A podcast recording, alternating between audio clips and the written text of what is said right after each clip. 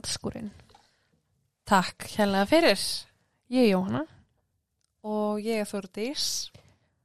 og ég ætla að byrja því að afsaka fokka uppið mitt í síðustu viku. Ég, mér tókst að eigða tveimur þáttum.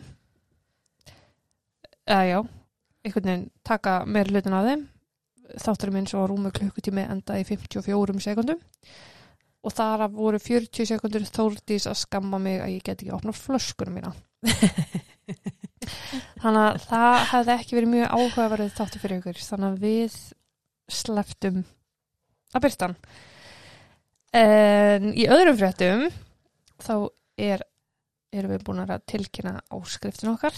Við ætlum að byrja með áskrift og allar þær upplýsingar eru inn á Facebookin okkar, þessist like síðan okkar og Instagram. Yes. En, Og þar leðandi kemur semst bara eitt þáttur út í, á viku mm frá og með þessum þætti. Já. Og í nóvember byrjar áskriftin. Já. En já, ég hugsa að ég byrja bara. Æðislegt. Það ætlar að setja eitthvað trigger warning eins og ég gerði. Ég, þetta er ógislegt mál. Ég bara byrja á því og enda á því held ég. Frábært. Tryggurvorning, þú veist, þetta er, þetta er bann. Þetta er 12 ára gömul stelpa. Já. Ok. Herru, já, Polly Klaas var fætt þann 3. janúar árið 1981 og var dóttir hjónuna Mark og Eve Klaas. Fóreldrar hennar skildu þegar hún var rétt þryggjar og gömul og tók móðurina síðar saman með mann og eignast með honum aðra dóttur, hana Annie. Móður Polly skildi síðar við stjúpföðurinnar svo hún ólst upp með móður sinni og yngri systur í Petaluma í Kaliforníu. 1993 er Polly 12 ára gömul, hún er vinamörg, hún er orðin svolítið gella, fann að hafa áhuga á málning, málingadóti og svona, en áhuga mál hennar snýrist og kom mest að söng og leiklist. Henni er líst sem fallegri, óstjórnlega fyndin, klár og almennt framúrskarandi í öllu sem hún tók sér fyrir hendur. Fjölskyldan hennar er í yngum vafa um að hún hefði orðið fær og fræg leikona þegar hún erið stór en hún tók þátt í öllum leikrits uppsetningum í skólunum sínum og spilaði samhlega því á bæði piano og klarinett. Ok. Bestu vinkunu Polly voru þar Kate og Gillian. Þær eittu miklum tíma saman, gistu yfirleitt saman allar helgar og það var nákvæmlega það sem þær ætlaði að gera þann 1. oktober árið 1993. Þær höfðu klára skóldæsin í Petaluma Junior High School og ákveðið að hittast síðan um kvöldið heima hjá Polly þar sem þær ætlaði að leika sér, að mála sig og ræða rekkjavöku.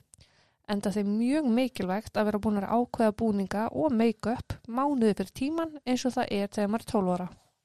Oh. Klukkan sjö um kvöldi mætti Gillian galvösk heim til Polly, spennt fyrir kvöldinu. Þær Polly og Gillian skrupp út í búð til að kaupa sér ís og drefi sér heim en það var Kate, þriðja besta vinkunan, bráðum að fara að koma. Þær byði fyrir utan heimili Polly klukkan 8 um kvöldi þegar Kate mætti, mamminar hafi kyrt henni og fyllt henni upp á dyrum. Hún kvætti stelpunar og dreif sér sjálf heim. Stelpuna þrjár fóru inn og inn í herbyggi Polly og fóru að hafa sér til. Kate ætlaði að vera hippi á hrekkjavökunni og voru þær því að græja búninga á hana og síðar á hverjara. Kate og, og Gillian voru að mála Polly framann þannig að hún liti út fyrir að vera dáin og eittu þar góðum tíma í að græja og gera í þessum málum. Mæla bút. Mm. Yngri sýstir Polly, Annie, mátti vitanlega ekki vera með í partíinu og hafði mamma þeirra ákveðið að Annie yrði bara inn í herbyggjum móður sinnar þetta kvöld. Hún var bara 6 ára gömul árið 1993 og hafði því lítið á móti því að vera bara í mömmukúri þetta kvöld. Æ. Klukkan tíum kvöldi bankaði Íf mamma Polly á hurðina hjá vinkonunum og bað þær um að hafa örlítið lægra. Hún var með slæmt mýgrinni og ætlaði að leggjast upp í til Annie taka verkefliði sín og fara bara að sofa. Stelpunar sögðu þetta ekkert mál og ætlaði að passa rúmin. Íf sagði þeim að fara ekki ofseint að sofa sem þær vinkunur lofuðu að gera og lokaði síðan hörðinni. Íf fór svo bara inn í sitt herbyggi sem var hinum með við gangin. Hún tók töflunni sínar og lagðist upp til Annie með bók sem hún sopnaði mjög fljótlega út frá. Um 10.30 ákveðu stelpunar eftir að hafa spilað bæði borðspil og töluleiki að huga því að sækja sveppokur sína sem voru staðsettir annars þar í húsinu. Polly sem var nú búin að taka af sér alla málinguna og komin í þægileg föt stendur upp og meðan þær eru í einu hlátiskastinu og ætlar að sækja sveppokuna. Hún gengur að herbyggshörðinni og opnar. Henni brá verulega þegar á mótenni tók stór og mikill full skeggjaður maður með póka í annari hendinni og stóran hnífi henni. Hann skipaði Polly að fara inn í herbyggja aftur. Hún bakkaði því inn með mannin fyrir framann sig.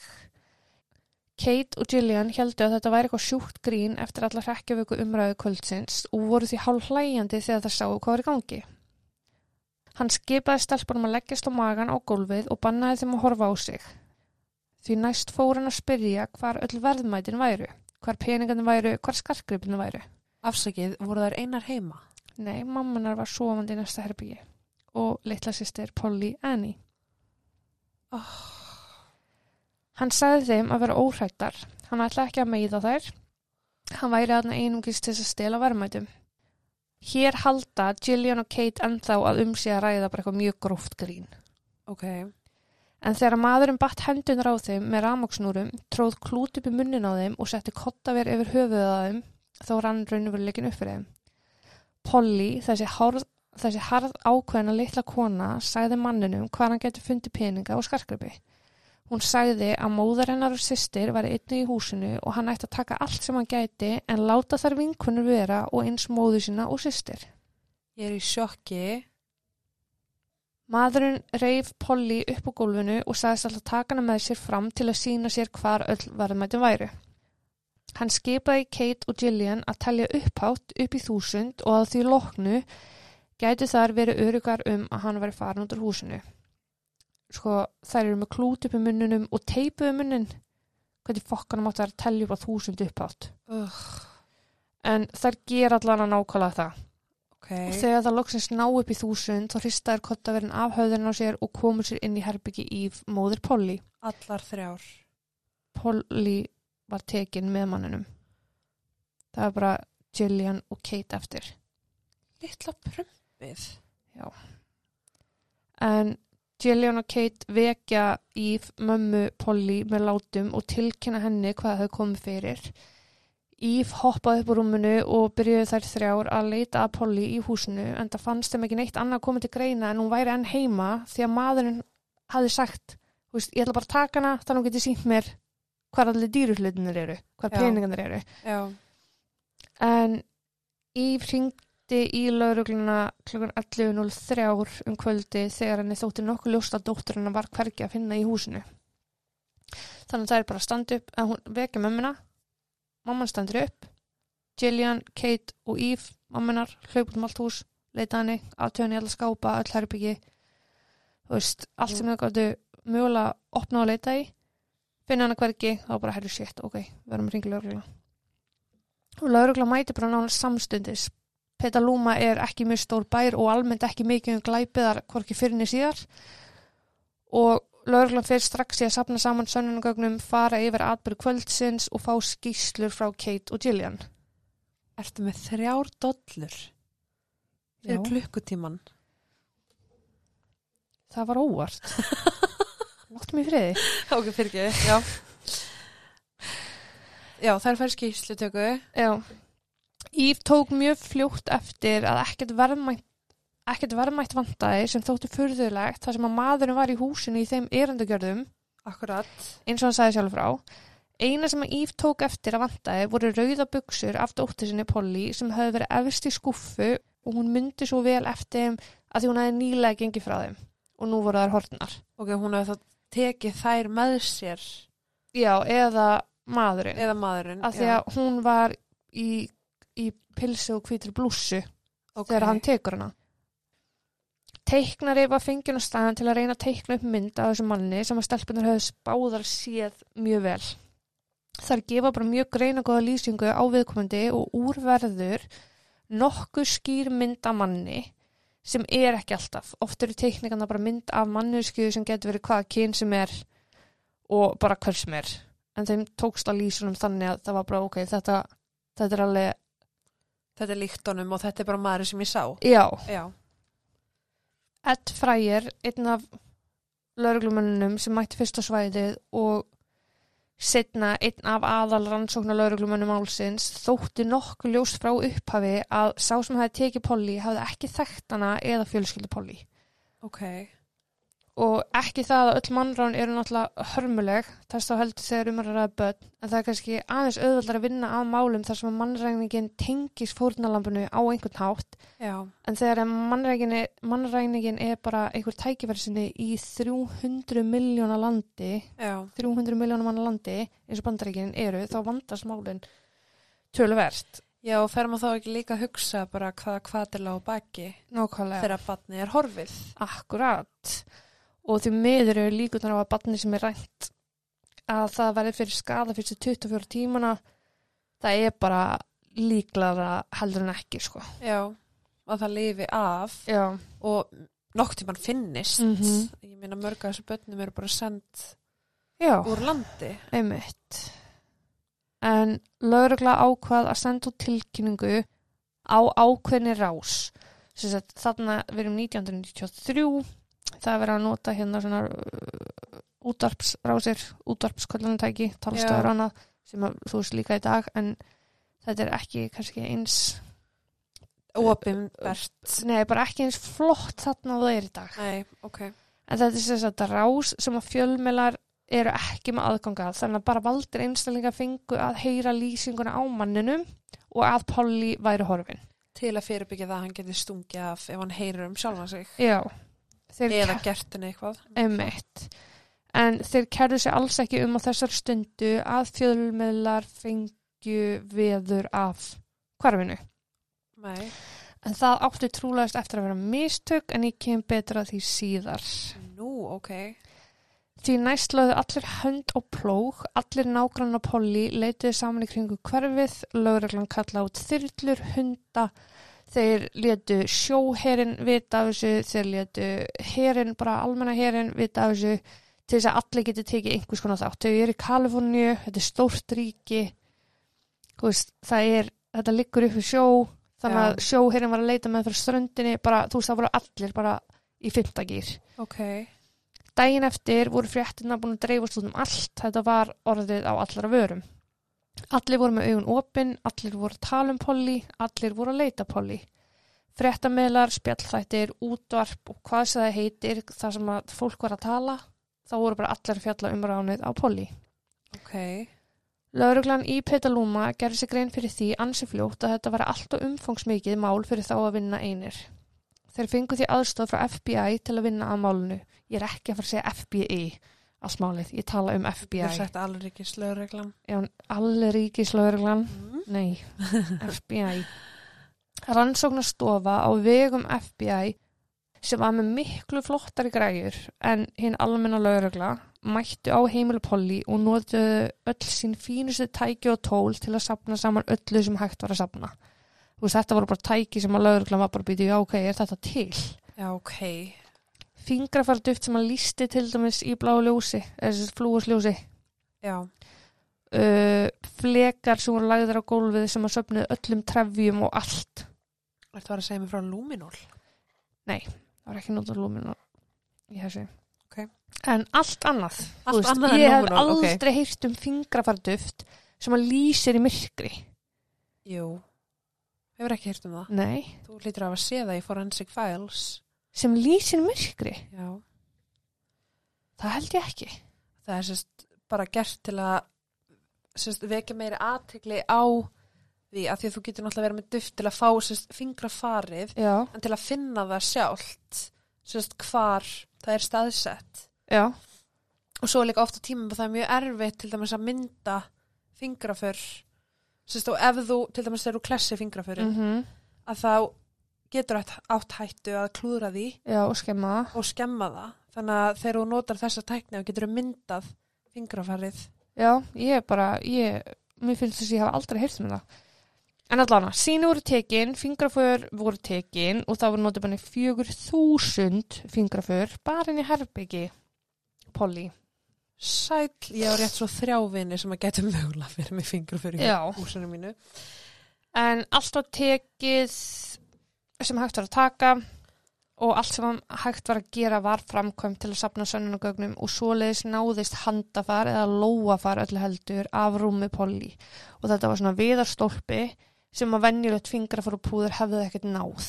Ok, Þú veist, þegar, þegar því er dusta á, það, það er ekkert grip. En með þessu, með þessu upplýsandi púðri já, að þá var hægt að finna þetta handafar. Og þá er það þannig að stelpuna gæti sagt frá því að þegar að maðurinn var að sækja kottavinnin til að setja yfir höfuð á þeim. Þá lægðist hann svona með hendina á stólpan þegar hann tegði sig í úps, þegar hann tegði sig í kottana já, en töluvert magna hári fannst líka á vettvangi og þótti nokkuð ljóst að hárin hefði verið rifin úr með valdi en ekki dottið úr bara eins og hár gerir. En ástæð þess var að hársekkinir voru ennþá á hárinu, bara 3-4 mm af hársekk. Og afsakið var það af Polly. Það var ekki alveg vitað Ok, þarna. Greining á trefjum gáði til kynna að viðkomandi hefði trúlast verið sjálfur keirandi en ekki fótgangandi því að í herbyggju Polly fundist trefjar af golftæpi úr bíl, trefjar sem að stemdu ekki við fjölskyldubílinn. ok. Klú, Sko, by the way, sama hversu mikið þú þrýfur uh, húsið þitt, Jóhanna, já, að þá er bara einhvern veginn allt til. er þetta að skota með að því ég er alltaf að þrýfa? Já. Já. en þú veist, ég bara láta þið vita að Sama er hvað ég þrýf, það er alltaf seriós út um allt heima að mér, sko. Það er enda rétt. En klútarnir sem maðurinn hefði komið fyrir í munni stelpnana var trúlegast niður kliftur náttkjóll sem hann mætti sjálfur með.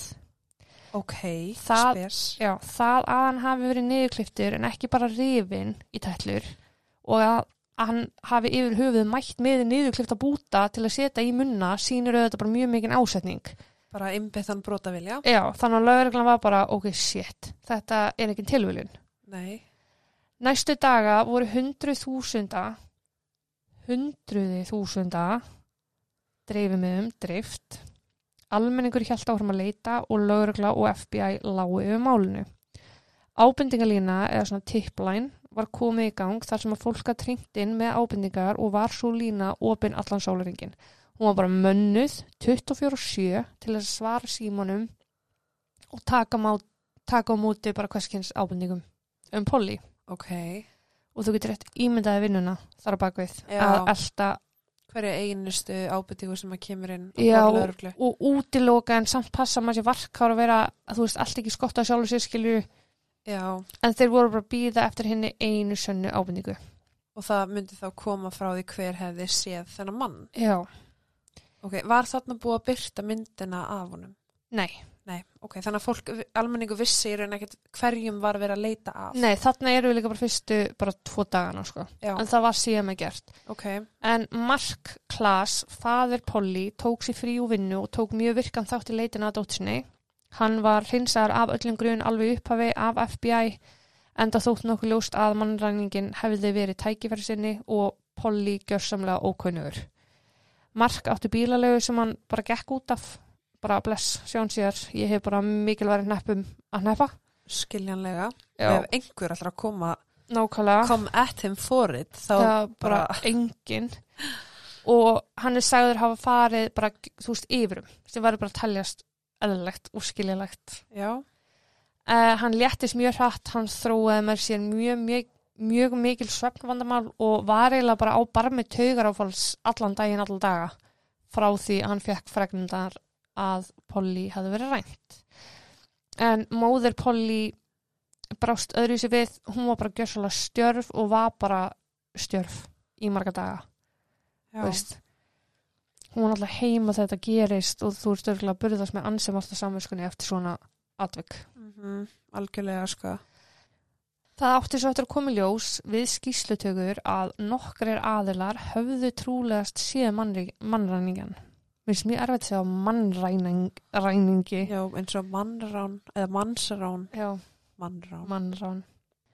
Um milli 8 og 9 kvöldi sem að Polly var rænt sá ung stelpa grunnsalega mann stíg út í bíl í gutinni.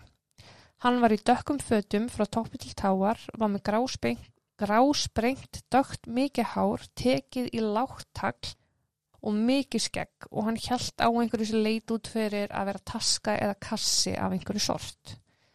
Og sem var ekkit óvinnlegt með að það var rekkjavaka. Þetta er, þetta er sko mánuði fyrir Reykjavíku. þetta er fyrsta oktober. Þannig að það er sérst engin klættur upp Nei, nema þær. já. Þannig Það að eru bara að plana Reykjavíkuna, skiljum. Okay. ok. Það eru bara að gera sér til og, og pæla og spekulera hvernig það er alltaf að vera. ah, rétt.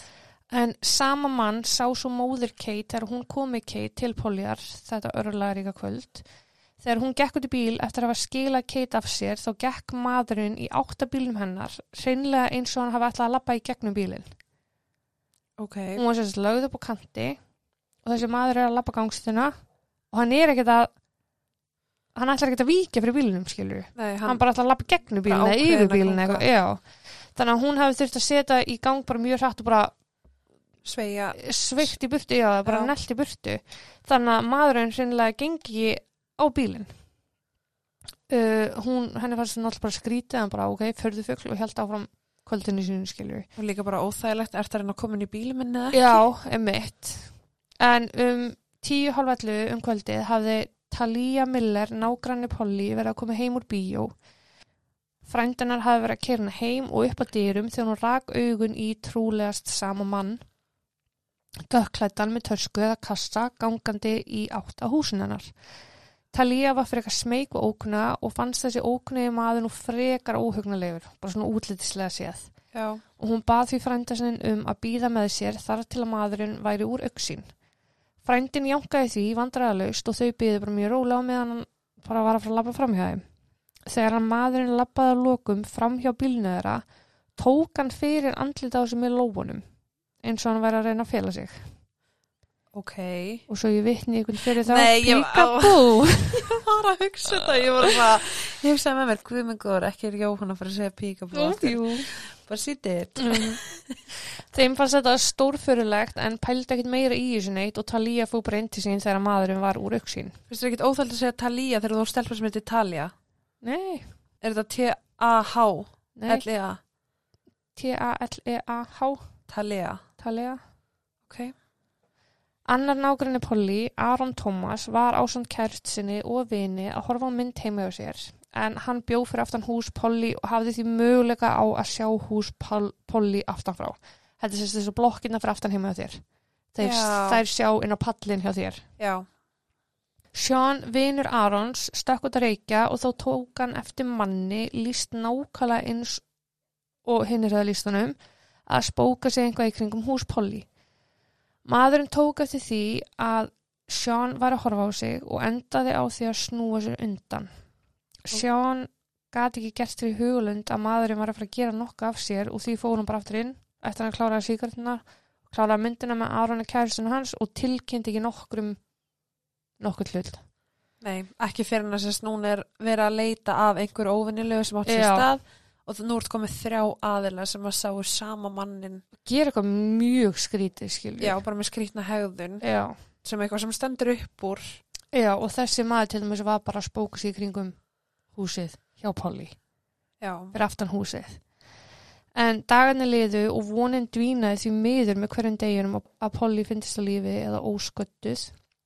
Winona Ryder, leikonan, sem hafði alist upp á svipum slóðum á Polly, bauð 200.000 dali í fundalun fyrir þann sem gætt gefið upplýsingar um hvar Polly var að finna. Ég hef ekki hugmynd um hvað leikonan þetta er ekki spyr mig. ég, nei, ég var að fara að spyrja þig og ég ætlaði líka að spyrja hvað 200.000 dólar vera mikið Það er eitthvað 20 miljónir eitthvað sko. ok, Ég held það. hvað fokkin leikun er þetta svona Ég hef ekki hugmyndu það.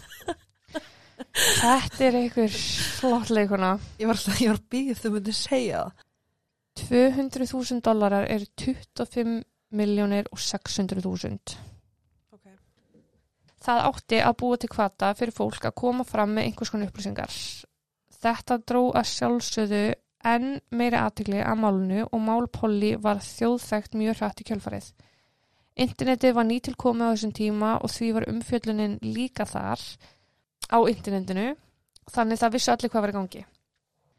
Málið var tekið fyrir í America's Most Wanted og fekk bara í kjölfarið en þá meiri fjölmjölu umfyllun. Það er þess að það er talað um þetta í eitt af fyrstu málunum sem að interneti fjallaði um. ok. Okay. Veist, það sem við lesum dagstælega, þetta var fyrsta þannig málið, Já. skilur. Eitt daginn ringdi síminn heim á Mark fyrir Polly. Á línunni var stelpa sem sagðist vera föstun og hótelherbyggi. Sagði að árisum áðurinn hafi stokki út fyrir og hún hafi notað tækifærið og ringt og skellti svo á. Mark bara gjössalega trilltist, Polly var að ringja og öll vonin um að hún myndi brátt finnast braust fram. FBI hafði ekki verið með rakningu á símamark sem var auðvitað bara fyll út af fyrir sig en gáti því ekki raki símtalið þó vissulega þeir hafi reynd. Það var því ákveðið að tengja símamarks nú við rakningakerfi og býða eftir að símin myndi ringja aftur. Sem hans loksis gerði og FBI náður að reki símtalið og voru nú með staðsendingu á Polly.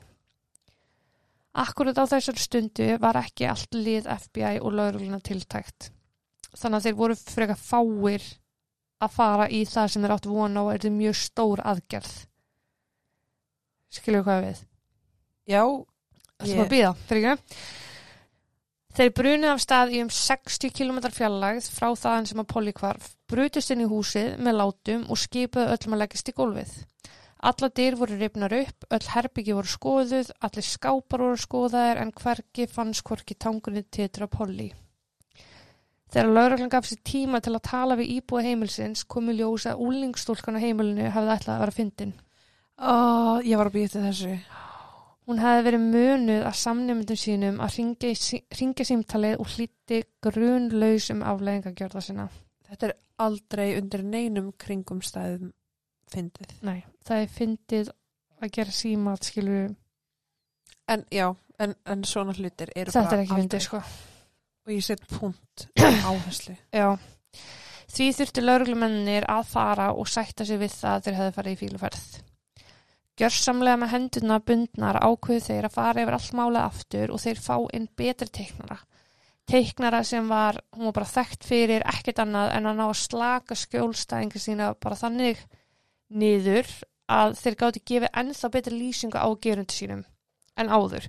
Að Ok. okay. þeir alltaf tekin fyrst skissa bara sama dag Já, og atveki gerist en þarna var verið að reyna aftur bara til að sjá hvort það samræmdust eða... nei, bara til að sjá hvort þau getur fengið eitthvað, hvort það myndi eftir eitthvað meira hvort þau það getur fengið já. Já, og Kate og Julian settu sniðu með henni og teiknarinn náði ótrúlega góðri tengingu við þar nú var liðin svolítið tími síðan atveki gerðist og það er kannski aðeins meiri stakkbúnar að ræða hvað hafði komið fyrir. Já, þær höfðu náðu að vinna frekar vel úr atvikinu með aðstóð fagfólks eins vel og hægt er, þú veist besta vinkuna þeirra er horfin en eftir dágóðan tíma með teiknarunum gáttu þær gefið enn betri lýsingu á mannunum sem hafði ráðist inn til þeirra kvöldi fyrst oktober og úr varð að lauruglan hafði teikningu sem var enn betri enn svo fyrri. ok. Myndin var svo notuð á dreifi með það þar sem var auglýst, sem bara að þetta var dreifið með 200.000 dólarar finnið þannig gaur Ok, og mynd af manninum. Núna var tíminn að líða ansið rætt og lauruglan hafði nákvæmlega ekkert mitt handana til að vinna með. Tvær vikur liðu, þrjár vikur liðu, fjórar, fimm, sex vikur liðu og ekkert spöldist til Polly. Símtal kom inn þar sem að maður sagðist hreinlega að vera mannaræningin sjálfur og bað um 20.000 dali af 200.000 dala verðlaunafínu. ok, og ætlaður að nota það í fangelsinu eða? Ángríns, fólk getur verið svo vittlaust en hann sést bað um þessa 20.000 dollara og þá ætla hann að segja hvar Póli væri. Ok, og svo ætla hann, já, ymmit, Já. bara verslaði í fangelsjópunni. Emmett, sígarettur og snickers. Já, Það vakti náttúrulega aðtili strax að viðkomandi vildi bara eitt tíunda af fínu og kom fljóttiljós að viðkomandi var bara eitthvað fíbl út í bæ að reyna að græða pening en í staðinn græði hann þessa fínu ákæru fyrir að mannaræningi. ekki. 75 FBI fulltrúar og 50 lauruglumenn unnu stanslust að málinu. Bara 24-7 en ekkert gerðist. Það var svo 27. november næstum tveimur mánuðum eftir að Polly var rænt að lauruglan fekk símtal frá Dana Jaffe. Hún bjó við Pythian Road og hún hefði fundið á landi sinu grunnsamlega hluti og vildi ekki koma við þá í ljósi þess að ung stúlka verið tínt. Ok. Hún bað því lauruglu um að koma og meta aðstæðunar. Þar fundust rauðarbuksur í batnastærð, peisa af fullarum einstakling sem snýra á röngunni, silkiklútar eins og þeir sem hefði verið notaðir í munnstalfnana og búið var að róta jarðveginum bara stórkostlega. Bara eins og ykkur hefði viljandi róta öllu til, sparka laufum og mold og grasið var allt búið að flatta því upp og Ok, og hversu langt er þetta frá heimilinu hennar? soldi spotta sko. Ok. Við frekar leita svæðinu fannst notaði smokkur Og og smokkabref, limbandsafrifur, bjórflöskur og dósaplast ásamt eldspýtustokk. Ok. Dósaplast þetta sem að skjaldbökunar er alltaf að festast í og eitthvað. Já, sem var alltaf að klippa. Já. Alltaf. Alltaf. Já. Á meðan lauruglumæðurinn á vettvangi var að ræða við Deina um hvað hefði mögulega getað gengið á byrjað úrhælsrykning. Lauruglumæðurinn var mjög smeykur um að sönnunagögn gæti orðið fyrir skemmtum og ákvað því að sapna saman öllu á kannski ekki alveg réttan máta en bara Nei. til að bjarga því sem hægt var að bjarga. Já. Hann var með eitthvað í bílnum þar sem hann gatt þú sett hún í kassa en hann til dæmis gatt ekki tekið smokkin eða smokka brefið að hann var ekki, hann var ekki með tiltæka póka til þess að venda allt því þurft að venda. Já, og sko notabene, þú ert að nota mismunandi, þú veist það er plast og pappir. Já. Þú getur ekki bara nota plast fyrir allt. Nei, þú, Alls ekki, til og ekki dæmis ef pappir það fyrir er allt. líkamsvæsar þá verður að nota pappa Já. og ef það er eitthvað annað þá þarf að nota plast. Uh -huh. En við frekari samræður lauruglumannsins og Dana Jaffe kom í ljós að furðulegt atvik hafði átt sér stað nokkru vikum áður eða þann 1. oktober rétt að sagt. Kvöldi sem að Polly var rænt. Það var þá þannig að Dana var við vinnu kvöldi 1. oktober. Um kortur í 11 til 11 þetta kvöld hafði hún komið heim þar sem að dóttarina beigðanar á samt pössunarpíunni Shannon. Pössunarpíunni Shannon. Shannon og Dana ræða saman stuttlega og Shannon heldur svo af stað keirandi. Bara, takk fyrir kvöldi, sjáumst, bless. Já. Dana býr í húsi við Pythian Road. Til að komast heim til hennar þarf maður að beigja af Pythian Road og upp hennar enga heimrið. Ok. Þetta er bara eins og heim á klaustri. Já. Shannon er að keira niður heimriðina þegar hún tekur eftir bíl sem er fastur í hálgerðum skurð við hlið vegarins. Bílinn var tegundi Ford, tegundinni Ford Pinto. Shannon hægði á sér og nam svo staðar. Hún var freka smeg þar sem hún sá stóran og mikinn mann, dökklætan, mikið skeggjaðan og með sítt hár. Kauði var bara frekar drungalögur og hún var bara, mm, ég hef ekkert, kærum ekkert um að skipta mér neitt á þessu manni. Ok. En hún rúlaði niður glukkanum sínum bara nógu mikið til að hún geti heyrt hvað maðurinn væri að segja en hann stóð nú við bílinn hennar. Hún fann strax að mikil óleikt bast frá manninum, bæði andfíla og líkamsleikt og áfengislegt. Hann var með mikið magna löfblöðum í hárinu og eins greinum og var í peysunni á röngunni. Hann reytti í hana, I'm stuck, I need some rope. Shannon reytti hann á móti hvort hann hefði ekki tekið eftir því að hann var að keira upp yngaveg og hvort hann kynni ekki að lesa.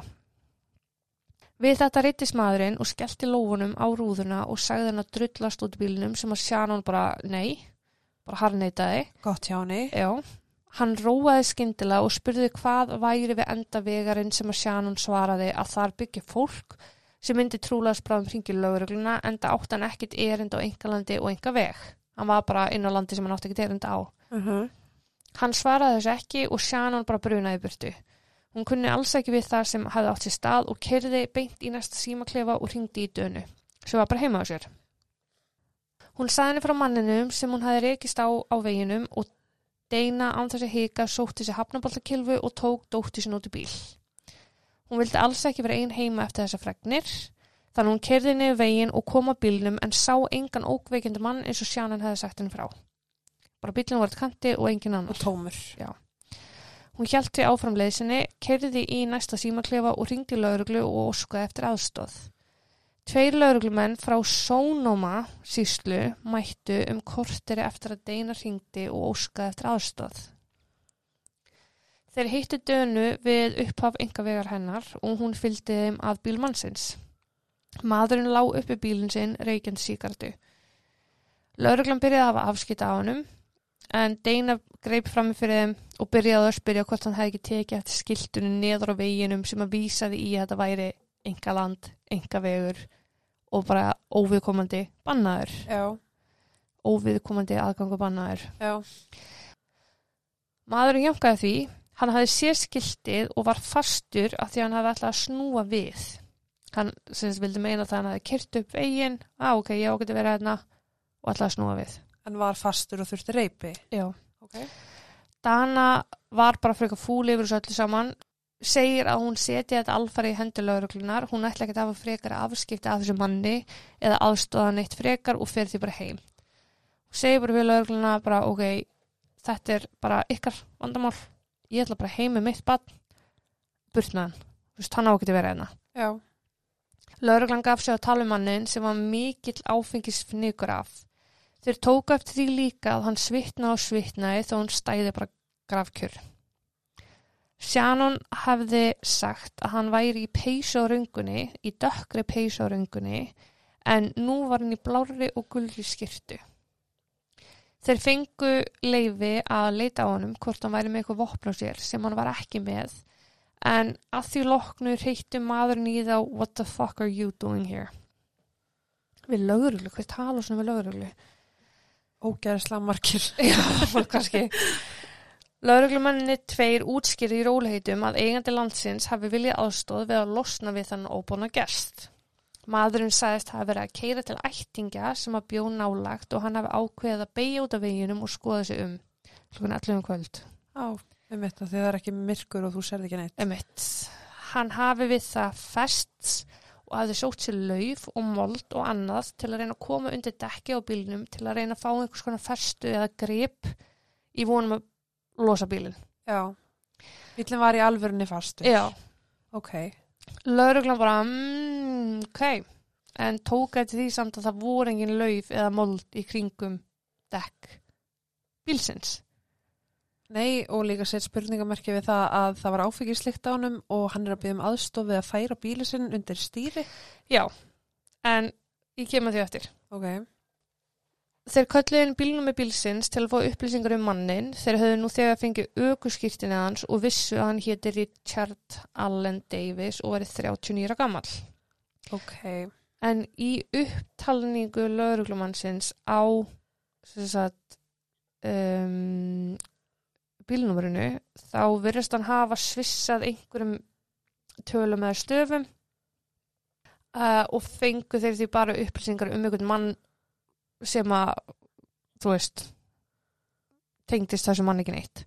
Og þeir bara, ok, hann er bara að keira einhvern bíl sem hann á ekki, það er ekki búið hann bíl stólinn, þannig að bara allt í góðu. Ok, en þau voru samt með alvöru nafni hans sem að var ekki skráð og var ekki að skoða fyrir brótaferil. Sko, þú ert ekki með social security number á aukurskýstuninu í bandaríkinum. Ok. Þannig að það getur verið að það tengist í eitthvað, en önnur útskýring á sem með bílinn er að þó þeir hefði verið með rétt bílnumir að þá var hann nýlega búin að kaupa hann bíl og upplýsingarna voru ekki búin að færast yfir. Ok. En maðurinn held áfram að segja lauruglumönnum fráfærtum sínum og tók alltaf fram að hann hafði aldrei gert sprotlegur og hann var ekki með neitt á sakaskrá og bara hann hafði aldrei gert neitt af sér. Er það ekki svolítið eitthvað sem fólk talar um sem er akkurat á Ah, sakaskrá? Gúrat. En lauruglumennir voru bara, ok, hann er vissulega ángata áfengi en hann virðist samt ekkert vera undir áhrifum. Samt. Þannig að þeir taka af honum áfengspróf sem er þess að þetta labbaði beint áfram, fingurinn nef, jar, jar, jar, hann stendst það. Ég geti gert það sofandi, sko. Sko ég held ég sé færari í öllu drukkin Uh -huh. heldur en ekki sko. Já. Miklu meiri Svona hlutum. áhugi á... Já, bara sjálfströst og eitthvað. Já. En þeir gáttu lítið gert í þessu annað en bara aðstöða mannin og losa bílinn. Þeir tók eftir því að fjórir bjórar voru inn í bílinum á svona póka fötum sem litu út fyrir að vera rifin. Þeir spurði hann hvort hann væri að drekka þessa bjóra sem hann voru inn í bílinum sem maðurinn svaraði ekki orðum heldur í verki. Richard tók upp bjór, opnaði hann og byrjaði að þamba. Ok. Lögreglan stoppaði hann af og baði hann vinsalast um að hella restina bjórnum sem hann gerði og þó hann hafi opnað bjór þá er það ekki nægilegt magn fyrir þá til að vera ei, mátt ekki keira að hann hafði þá, þú veist, hann hafði þarna staðist þetta próf þeirra. Já. Þeir endur því að losa bílinn allir þrý saman sem gekk árangurslaust þannig þeir ákveða að fara heim til dönu og fá lánaða keðju til að kippa almennilega í bílinn. Þeir komu keðjunu fyrir í báða bíla og kipti bílinn upp úr skurðinum. Annar lauruglumæðurinn fylgdi svo manninum af landinu sem sniðu veginn á menn hinn fóru skilaði keðjunni Ok. og þar með var það bara, þú veist, Búið. Já. Og sko máli hér er sem sagt það að þegar lauruglan gaf út tilkynninguna að Polly væri það væri búið, já, búið að ræna Polly og hún var bara gefin út á ákvæmna rás. Lauruglan sem kom á vettvang heima hjá dönu var eins og ég sagði frá Sónomasíslu. Polly bjó í Petalúmasíslu og því voru þessi sónum að lauruglumenn ekki búinir að fá fréttir af því að 12 ára stelpu hefði verið rænt. Að því að tilkynningin hefði bara farið til Petalúma síslu lauruglumanna. Ok. Þannig að tilkynningin fór bara til þeirra, inn á þeirra rásir en ekki þessar lauruglumanna sem komu að hjálpa þessu manni með hann bíl. Já. Þannig að þeir hafði ekki hugmyndum að það væri verið að leita af hávöxtum, skeggjum, manni Nei. með sítt hárteki í tagl Ok. sem er alltaf bara fyll. Mjög mikill heill. Já. Gögnin sem finnast á þessum vettvangi eru búin saman við, sem nú eru bara komin í, í uh, 27. aftur. Já. Gögnin sem finnast á þessum vettvangi eru búin saman við vettvangin á landi dönu. Það átti eftir að taka nokkra daga en koma lókum í ljós að silki klútanir sem fundist á landi dönu og silki klútanir sem Kate og Gillian höfðu verið með uppi sér voru þeir sömu. Ok. Þegar Richard Allen Davis var svo skoðaði nánar kom í ljós að hann var á skilorði fyrir meðal annars mannrán og það sem meira var, hann var eftirlýstur fyrir brot á skilorði því hann hafði það 19. oktober eða 18 dögum eftir hvarf Polly keirt undir áhrifum áfengis og þar með broti skilorðið. Og ef hann var eftirlýstur, hvers vegna fekk lauruglan það ekki upp í kerfinu sínu að það væri verið að leita á hann? Nókomlega.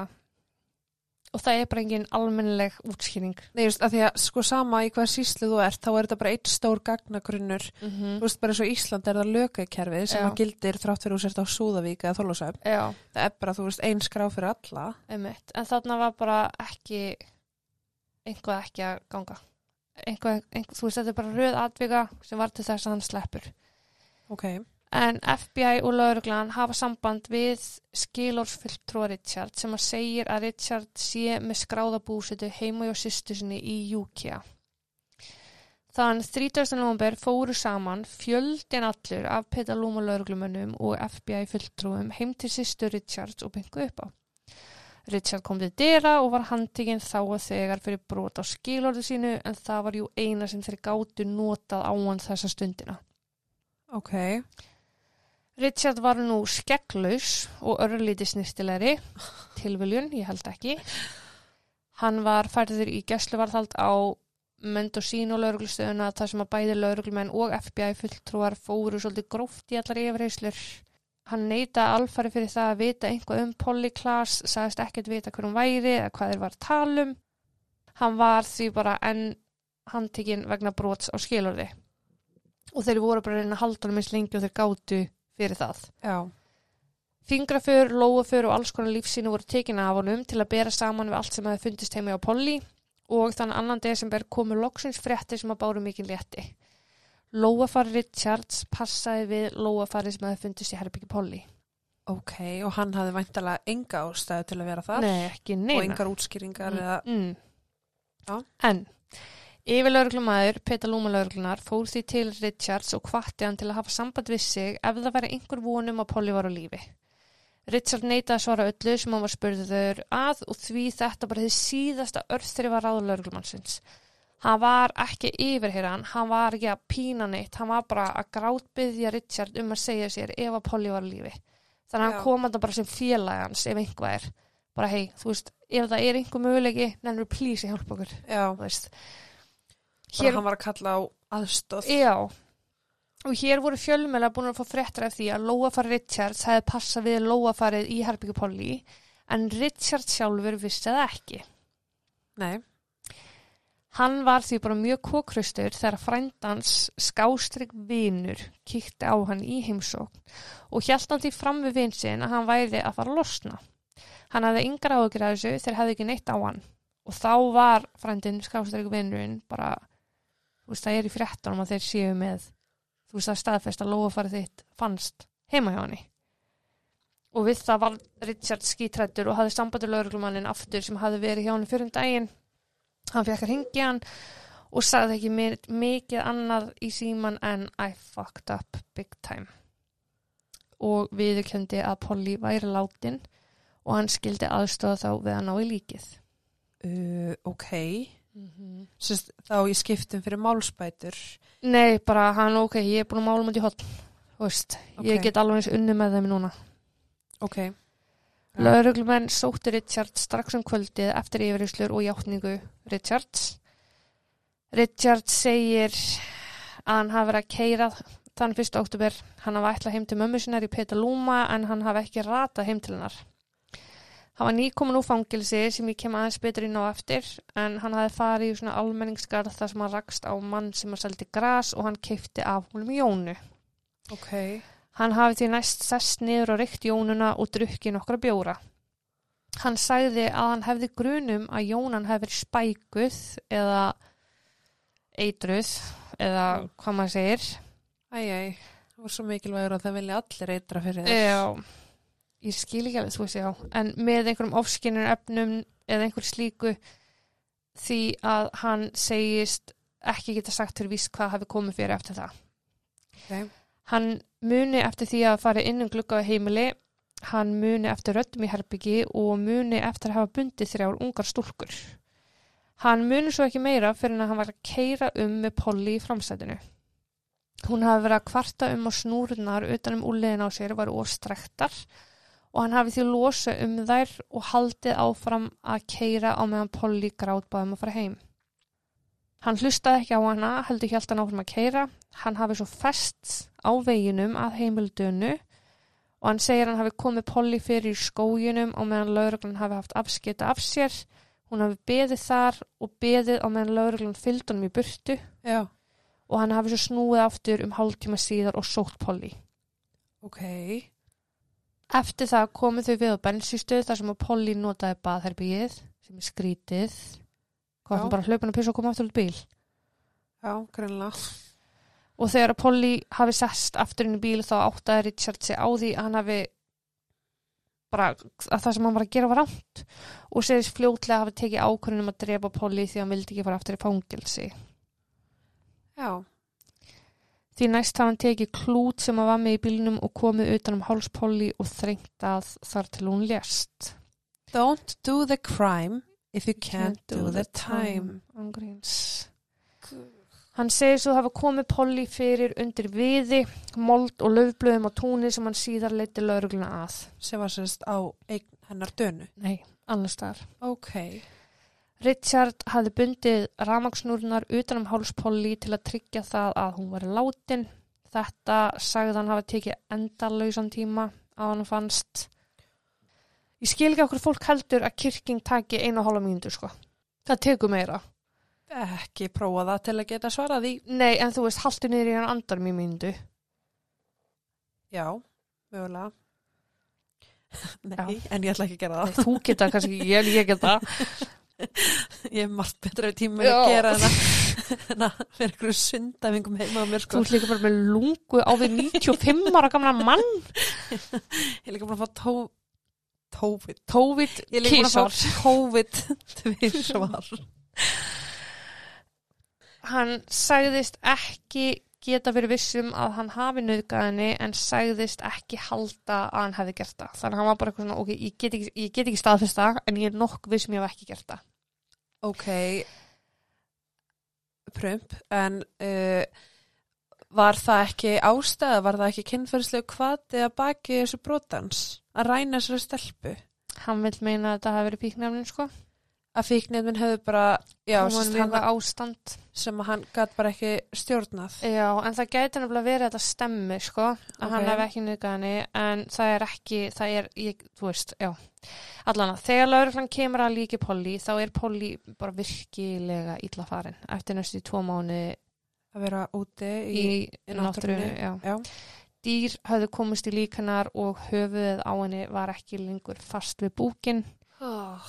Um hálsin á henni var eins og Richard sagði, klútur og ramaksnúra kóru tveggja bundi með rembinút. Yfir líki Polly var náttkjóll vinkununnar, Gillian.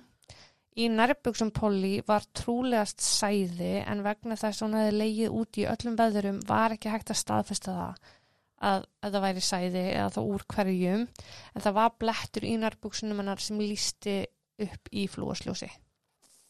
Ok, og það hefði ekki geta verið blettur úr henni. Nei, þeir heldur að þetta væri sæði frekar en eitthvað úr henni. Þegar lauruglan bar þessar upplýsingar uh, við Richard spurði hann hvar sæðið það fundist og lauruglan sæði á fötunum hennar, alltaf ekki að gefa hún neitt fyrir eitthvað svör Nei. og því svaraði Richard já, en ekki inn í hennar það Ah. og það voru rökin hans að hann hafði ekki naukað henni. Ok, sérst, ég veit ekki ekki neitt nema þið hafið það á mig. Já, ég veit ekki alveg, af því að þegar lauruglan spurði hvernig óskupinu sæði hefði almennt geta komist á hana, þá gaf hann til kynna að hann hafi kannski ekki hagað sér ósómasamlega, Já. en hann hafi ekki naukað henni. Ok. Hann bætti svo við að hún var létt að vita að sæðið hafi ekki fundist inn í henni, Fyrir hann eigins hugsanir. í því hann hafi ekki viljað hafa það hangandi yfir sér að hann hefði mögulega geta gert það. Who fucking who? Já, þannig að hann var svolítið svona að býða eftir því að fá staðfyrstingu á hvort hann hefði naukað henni eða Hvað hann ekki. hefði gert. Þannig að hann er í raun að bera fyrir sig minnisleysi Já, mjög frá mikið. kvöldinu. Já, Ok. að, að hluta til. Hann til. hann að fara hann inn og allt hannig. Og við kennur hafa drefið hana. Já, og viðurkenna hann hafa verið með henni en það er bara svona gloppir sem hann segist ekki muna.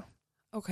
Sem að má vel vera að fólk bara í geðsræringu og Já. það bara fær sérst, minnisleysi yfir alvarlega hluti sem það er að gera. Já, en trefjar sem að fundist inn í herbyggi Polly áttu síðar eftir að stemma við trefjar úr teppi inn í bíl Richards. Klútanir sem voru settir upp í stelpunar áttu einnig eftir að stemma við klúta úr bíl Richards. En sorry, en sama hvað ástandu úr í, ertu þá heima hjá að klippa klút til hvers? Já, hann hefur trúlega skert að vera í bílnum um þetta kvöld. Við erum með skæra á sér. Ángríns. Allavega, já, já, ok, alltaf frá. Segið þú með fokkin lagsiðin hérna í töskunni? Herðu, hann er reyktur og Já. hann er góður og hann er gjöf. Verður ekki að dæma lagsinn minn. Hár sem fannst inn í herbyggi Polly var vissulega hár úr Richard. Ok, Og Richard átti því líka sögu um alls konar ógeð. Hann er sko, þú veist, bankaræningi, hann er nöðgari, hann er child molester, hann er, þú veist, já, 1976 þá 22 ára rændan 26 ára gammal stelpu, lamdan ítrekað og stöðvaði svo bílinn. Uh, hann gekk út í bílinum, fór yfir til hennar, opnaði hurðina nógu mikið til þess að, þú veist, hann þú veist, hún sægi klófsvæði á honum, ok, að því að svo girt hann niður um sig já, og reynda að næða hana í að gefa sér munnmögg. Hann hjælt hníf upp við hana en þessi kona reyfi hnífin með annar hendinni og með hinni náði hann að opna hurðina alveg upp á gátt og þannig hlaup út í bílnum. ok, Held ég að grípa um hnífsblað. bara ái. Já. Og rauk Richard setna við þessu var að hún hefði sko viljaðan en hún skammaði sín bara eftir á. Ég guppi upp um mig sko. Ég skal guppa upp í því fyrir þig, sko. bara það lættu þið líða betur. Hann hlaut fyrir þetta dóm, uh, reynda fyrir fyrir sér og lásu inn á geðdild 1976 þegar hann náði að sleppa þaðan og eitti næstu fimm dögum í að haga sér alveg svo hálfviti. Ok, Hann reyðast inn á heimilu konu og reyðast á hana með skurungi sem er til að í arinni já, sérst til að fletta, til að pota í fletta viðnum. Já, Já, uh, bara í fimm daga þá var hann bara að brjóta af sér. Hann byrjaði þessu, svo braust hann inn í bíl sem var úr ferð og notaði sagt, uh, konuna sem var að kera bílinn sem bara sinn enga legubílsfjöra ok, og að lokum tókst henni að ná í byssu sem hún gemdi undir sætun í bílum hjá sér. Já, og miða henni á Richard sem hljóp út í bílnum og hún skaut í áttina að hann um fjó, fjögur eða fimm skipti en hún hitta ekki. ok, Daginn eftir brust hann inn og rændi öllu sem hann gati inn á heimili konu fór svo út, faldi sig í runna með byssu og tvo hnífa og tók svo bara móti löggunni eins og ekkert hefði ískorist. bara, já, ok, Hann hafði 1984 líka aftur mannrán og gróft ofbeldi og hann hefði bara, já, veist, yfir höfuð þá er hann bara með ógeðsla langa sögu af svæsnu, svæsnum ofbeldsbrotum. var hann á þessum tíma að brjóta reynslulust, sagt, var hann á skilurði? Hann var skilurði vegna fyrir brota. ok, En það er greinlega ekkert allir sem eru hæfir að fara út í samfélagið aftur mm, eftir. alls ekki. En hann er að lokum dregin fyrir rétt og það tók sko þrjú ár að koma málinu í réttan farveg í réttakerfinu að því að lögfræðingar Richards vildi meina það að hann myndi ekki fá réttlæta uh, málsmeðferð Já, í Petalúma síslu og Ok. ekki heldur í síslunum í kring þannig að það þurfti að finna einhverju síslu þar sem að fáir þekktu málið sem var ekkert hægt, þetta var fyrsta málið sem að þú veist, interneti var að dreifa.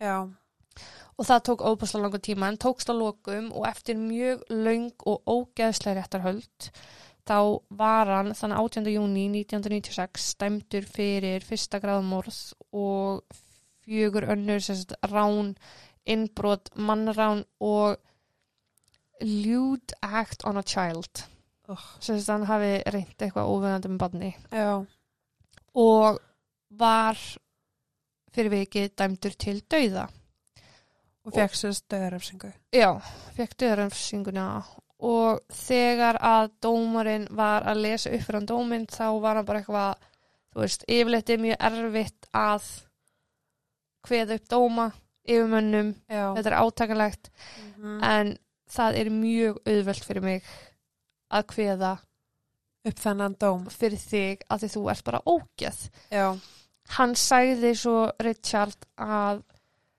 uh, að Polly hafi sagt rétt áður en hann myrt hana að pappi sinn hefði misnótað sig og þetta voru bara svona orð sem hann lét falla fyrir framann allt og alla. ok, sérst einhvern veginn til að réttlega það sem hann gerði með því að einhver annar hafi gert henni verið hlut. Nei, bara til að vera ógeð sko. Oh, og ég og svo fokka hann bara alla og hagaði sér svo smábann. Á, flottur. Í kjölfarið á andlati Polly þá voru fóreldra, þessi pappina sérstaklega, hann hérna, hann var svona aktivisti. Já, og hefur tilenga lífi sínu bara fóreldrum batna sem hafa orðið rænt. Já, og er búin að koma á mörgu stöðum fram og er bara mjög virkur í, í þessari vinnu gegn mannránum á bönnum uh, og í kjálfæri af máluna þá var sagt, er búið að breyta verkreglum lauruglu hvernig þau eiga að vinna í kringum uh, mannrán. Já, sérstaklega því að þau senda þarna út uh, á bara eina rás í staðis að senda út á alla rásir. Já, það bara má ekki í dag. Það er bara brot á verkfællum að þú ætla að gera það í dag. Mm.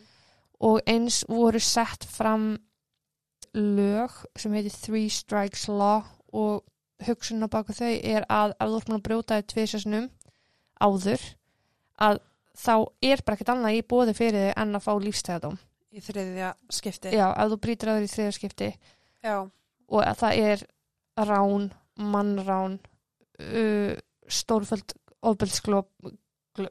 ofbeldisbrot eða annað þá er bara, það kemur ekkert annað til greina en að þú fáið lífstíðadóm ok, eða þú ert með, já. Þetta er þrjú alvarleg brot sem þú þarfst að vera með. Já, og já. Polly var svo uh, brend líka hennar var brend og öskunennar var drift yfir hérna, Kyrrahafið af fjölskyldanar og vinum. Og í minningarnar var svona Performing Arts Center opnað. Já, sem því miður nokkrum árum setna var lokað út af skort á peningum en í mæ 2021 var ákveð að gera upp húsnæðið og reynt að koma starfseminni á laginnar aftur henni Ok. til heiðurs. Og já. Hann Richard, ég kannski ekki er alltaf að nefna að þú hann átti umlötu uppaldi mamma og pappi bara hötu hann ef einhvað er. Já. og mammans leik sér að því að brenna hann um hendunar þangað til að hann fekk blöðurur hann var náttúrulega bara skemmtur og rótin í gegn því miður en það afsakar ekki Einmitt, það, þú veist þú veist, Mér fón, finnst oft ekki þess virði að nefna baksögu ógeislega mor, morðingja að því mér finnst það falla um sjálft sig. Mér finnst þeir ekki eiga rétt á að, þú veist. já, einmitt. En já, hérna, þetta er bara óslut mál og ég ætla að segja þetta gott í dag. Takk og bless. Takk og bless.